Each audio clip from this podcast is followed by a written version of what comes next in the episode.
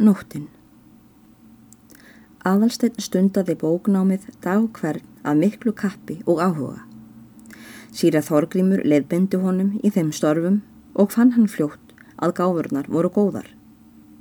Þegar hann hlíti honum yfir, hlaut hann oft að undrast með sjálfum sér hver mikla greind og skilning hann hafi til að bera svo ungur að aldri.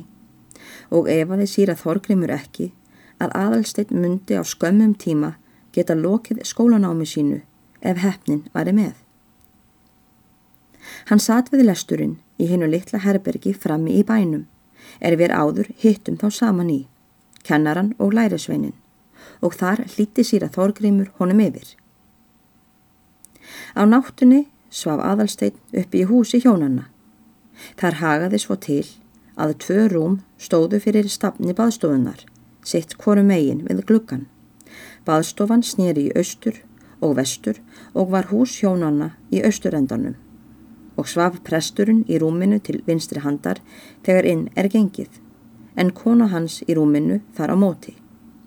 En fyrir framann rúm prestsins og næri dyrunum stóð lítið lausarúm og svaf aðalstegn þar. En Benedikt litli, sonur hjónanna, svaf til fóta móður sinnar. Hún þorði ekki að skilja hann við sig á nóttunni, sökum flógaveikinnar, en það var hann vanur að fá flógin upp úr svefni. Aftur bara ekki á því að hann fengi þau í vöku. Þessi sjúkdómur þjáði hinn unga svein en á sama hátt og áður og væri munurinn okkur þá var hann sá að flógin voru heldur tekin að verða tíðari en áður. Og þarf ekki að taka það fram að þessi sjúkdómur olli fóreldrum hans og öllu heimilinu mikill að rauna, þar sem barnið að öðru leiti síndist efnilegt og vel af Guði gefið. Þá hafði aðalsteinn ávalt grun um með sjálfum sér að einhver önnur mæða myndi þjaka þessum hjónum. Atveikið sem hann hafði verið vottur að um haustið á Mikaelsmessudag þegar prestkonan kom fram í húsið ítrekkaðist á líkan hátt síðar og oftar hafði það komið fyrir að þessi hjón síndu sig óvenjulega þurrleg í viðmóti hvort við annað þegar þau, að við tökum svo til orða, þóttust ekki þurfa að diljast fyrir heiminum og hafðu ekki aðra votta við en aðalstein sem þeim hætti við að forðast ekki að þessu máli sökum æsku hans. En þessi hjón munu saminginlega hafa haft til að bera einhverja þess áttar tilfinning, er bannaði þeim að kvarta undan því böli sem að þeim gekk. Efur að gjöra slikt módlæti kunnugt fyrir mönnum er engin myndi geta að gert. Og sökum þessa báru þau harmsinn í hljóði.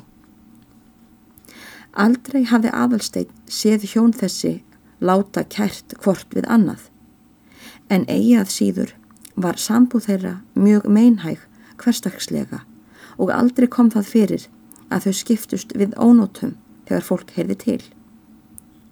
Bæði voru fremur fámálug og fáskiptin í umgengni, gerðu sjaldan að gamni sínu svo að menn heyrði. Og mátti þannig reyndar til sannsvegar færa orð þeirra er báru þeim þann vittnesburð að hvorugt væri í rauninni upplýfkandi á heimilinu og því var það engin vegin tilhæfu löst sem Björg bar upp að fossi að heimilið á hofi var í döflegt. Samt sem áður gat engin annars en að hjónaband þetta væri gott en það fór fjari að nokkur gæti fengið átillu til að segja annað. Aðalsteinn hafi nú þá grunnsemt sem áður er sagt, sökum ímis að smáatvika er hann hafði verið vottur að og fyllilega var honum farið að koma til hugar, enda þótt hugmyndin væri óljós að óanægja hjónanna myndi ekki rýsa af neinum bráðræðis geðsræðingum er koma snöksinnis í ljós og hverfa síðan. Heldur myndi hún vera varanleg í sambúð þeirra. Um þetta sannfærðist nú aðalsteinn enn betur af samtali nokkuru millir hjónanna sem hann varð vottur að óviljandi þennan vetur sem hann var á hofi.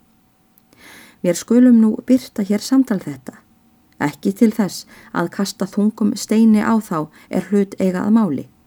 Heldur til að sína þann sannleik að mörg geta verið manna megin þó að hinn ytri hagur sé ásjálegur og að oft er ekki allt sem sínist svo að mennirnir fyrir þá sög verða varlega dæmandi. Reyndar vantaði mikið á að þetta samtal hjónanna væri svo ljóst fyrir ókunnuga að komast mætti fyrir á rót óanægjanar eða skilja hanna til fulls af samtalinu. Nei, samtalið var og hlautað vera öllum ókunnugum ráðgáta að er efni þess snertir. En samt vottaði það berlega að grunur aðalsteins var réttur og að óanægjan átti sér stað. Það var seint á þorranum að aðalstein vaknaði eina nótt í rúmi sínu eftir miðnættið og sá hann þá að kveikt hafi verið ljós í herberginu og stóð ljósið á borðinu en var undir glugganum á milli rúmana. Í því byli sem hann vaknar heyrði hann að prestkonan sagði Já það er mikið og óskiljanlegt sem Guð lætur suma menn reyna. Aðalsteini heyrðist nú ekki betur en að konan mælti þessi orð með gráturraust. Hann furðaði mjög en þó þóttist hann vita að samtal hjónanna væri ekki að byrja með þessum orðum, heldur myndi þau öllu fremur vera svar til þess er áður var búið að tala. Honum dætt nú fyrst í hug að Benedikt myndi enn einu sinni hafa vaknað við flók og myndi þetta orð móðurinnar eiga þar við. En hann þóttist brátt ganga úr skugga um að svo myndi þó ekki vera og enn meir undraðist hann þegar hann heyrði prestin svara mjög þurrlega. Segðu ekki að Guð leggi það á sem mennirnir baka sjálfum sér og hver öðrum. Eftir nokkra þögn tók prestkonan aftur til máls og svaraði. Ó já, svo ert þú vanur að segja, en ég veit aldrei hvað segja skal. Mér finnst vera mjög hæpið að dæma um slíkt. Meðan prestkonan talaði þessu orð, tóttist aðalsteinn verða þess var að hún þerraði andlit sitt. Hann þóttist vita að þar þerraði hún tár, en sjálfur lág hann hreyfingarlaus í rúmi sínu. Já, skjótt sem prestkonan hafi talað, tók maður hennar til máls aftur. Því ætli ég segi það ekki, mælti hann mjög alvarlega og því skildi maður saka forsjónina um það sem sprottið er að verstu kvötum í mannlegum sálum, sprottið af ágerand, drampsemi og heimsku, öllu þessu svo lúalega saminuðu að það er undravert. Já, þvílíkt kann aldrei góður í gæfu að stýra og ég er sannferður um, Ingi Björg, að það hefnist einhverjum fyrir einhver tíma. Það getur ekki öðruvísi farið. Það mátti heyra glögt að síra Þorgrymur mælti þessu orð með talsverðri geðsræringu. En hverjum var að, mælti presskonan, en gata ekki fullkomnað málskreinina fyrir því að maður hennar skildi þegar hvað hún vildi segja og tók fram í og mælti. Hverjum bar? Já þetta er hægt að segja, hverjum bar? Ég gæti sagt þér ef ég vildi hverjum bar. En gáðu að þér kona, hafðu mig ekki fyrir sög eins og þú gerir. Ég hef ekki verið valdur að því. Eða segðu mér, hvenar ásaka ég þig? Ég var ekki að ásaka þig maður. Það er ósatt. Og það er ekki trútt um að þú gerir það stundum. Eftir litla þögn bætti hann við. Og kann vera, það sé líka ekki ástæðu löst. Neita skal ég ekki að ég hafi verið blindaður. En þó sínist mér best að kvorugt telli á annað.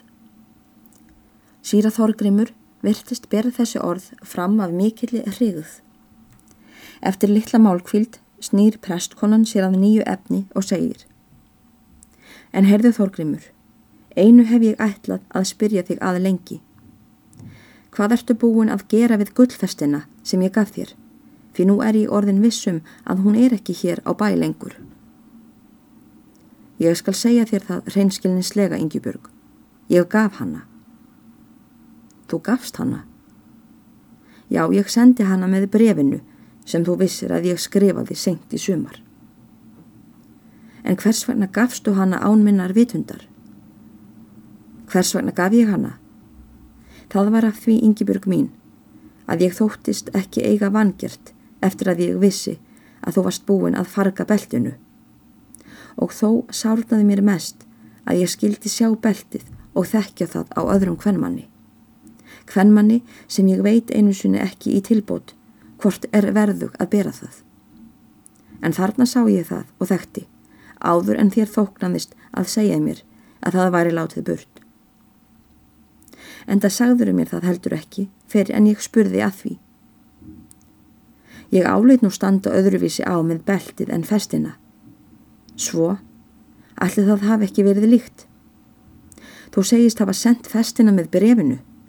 Gafstu þá einari festina? Ó nei, heldur Þorgrimi litla, síni hans. Eftir þessu orðaskipti varð hljóð. Aðalsteinn lá í rúmi sínu vakandi. Hann vissi ekki hvað hann átti af sér að gera eða hvað hann átti að hugsa um þetta samtal. Honum sárnaði að hann skildi hafa vaknað til að heyra það.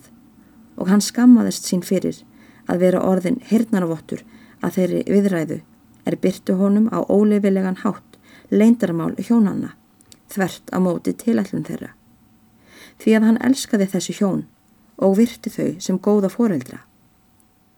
En því meir fekk það nú á hann að hann sá grun sinn svo ljóslega staðfestan þann grun að þetta hjónaband þótt lítið á bæri væri fullt óanæju og ófagnadar og þóttist hann í samtali hjónanna og ekki síður í þeim anda sem það var gagtekið af, sjá ofan á allmikið böl og mótlæti, sem hann þó fjekk ekki rannsakað til hlítar, en sem hann þóttist vita að engin ráð myndi duga við. Aðalstein hugsaði sér nú að nota tækifærið þegar hlýja var á viðræði hjónanna til að hreyfa sig eitthvað og gefa hjónunum þannig til vitundar að hann væri vaknaður en í sama bíli sem hann ætlar að framkvæma þetta hamlaði honum það að prestkonan tók aftur til máls og hlaut hann þannig nöyðugur viljugur að heyra framhald samtalsins.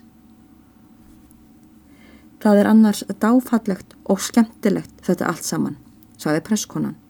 Eftir að hún hafði íhugað litla stund þær ástæður allar er samtalið hafði vakið minninguna um í hug hennar og þau hafa látið drengin heita Þorgrím. Það hefði ég þó vonast eftir að Guðrún leti ógjert. Því þá það, svarar hann. Ekkert getur verið að móti því í sjálfu sér. En það vitum við ekki með vissu hvert Þorgríms nafn það er. Það held ég sé nú auðvitað, en það myndu hafa þóst fara nærri um það þegar þú sendir honum festina. En hvað sem þessu líður Mér má reyndar standa á sama. En hvað sem þessu líður? Það var svo tími að ég þekkti Guðrúnu og ég þekkti hana einmitt að því að hún hafði ekki þann smekk í sér sem ætla mátti jafn gáfaðri og vel upp alninni stúlku. Ég skal ekki neyta því, svariði Þorgrimur, að það kunni að líta svo út fyrir henni stundum. En þú verður að aðtóka það sem ég líka veit, þú neytar því ekki að Guðrún er og hefur ætið verið óvinjulega hreinskilin og ekki kunnað að hræsna með tilfinningar sínar. Hvað frettir þú annars í brefum því þú veist að ég skrifast ekki á við neitt? Hvað frettir þú um samlindi þeirra hjónanna? Það er vist bærilegt sem betur fer, svaraði prestur, ef ekki gott. Ég hef ekki hirt annars getið. Það sendur vist í engu sambandi við neitt ósamlindi að drengurinn heitir Þorgrimur. Það hefur verið fullt samkómulag þeirra, það er ég vissum.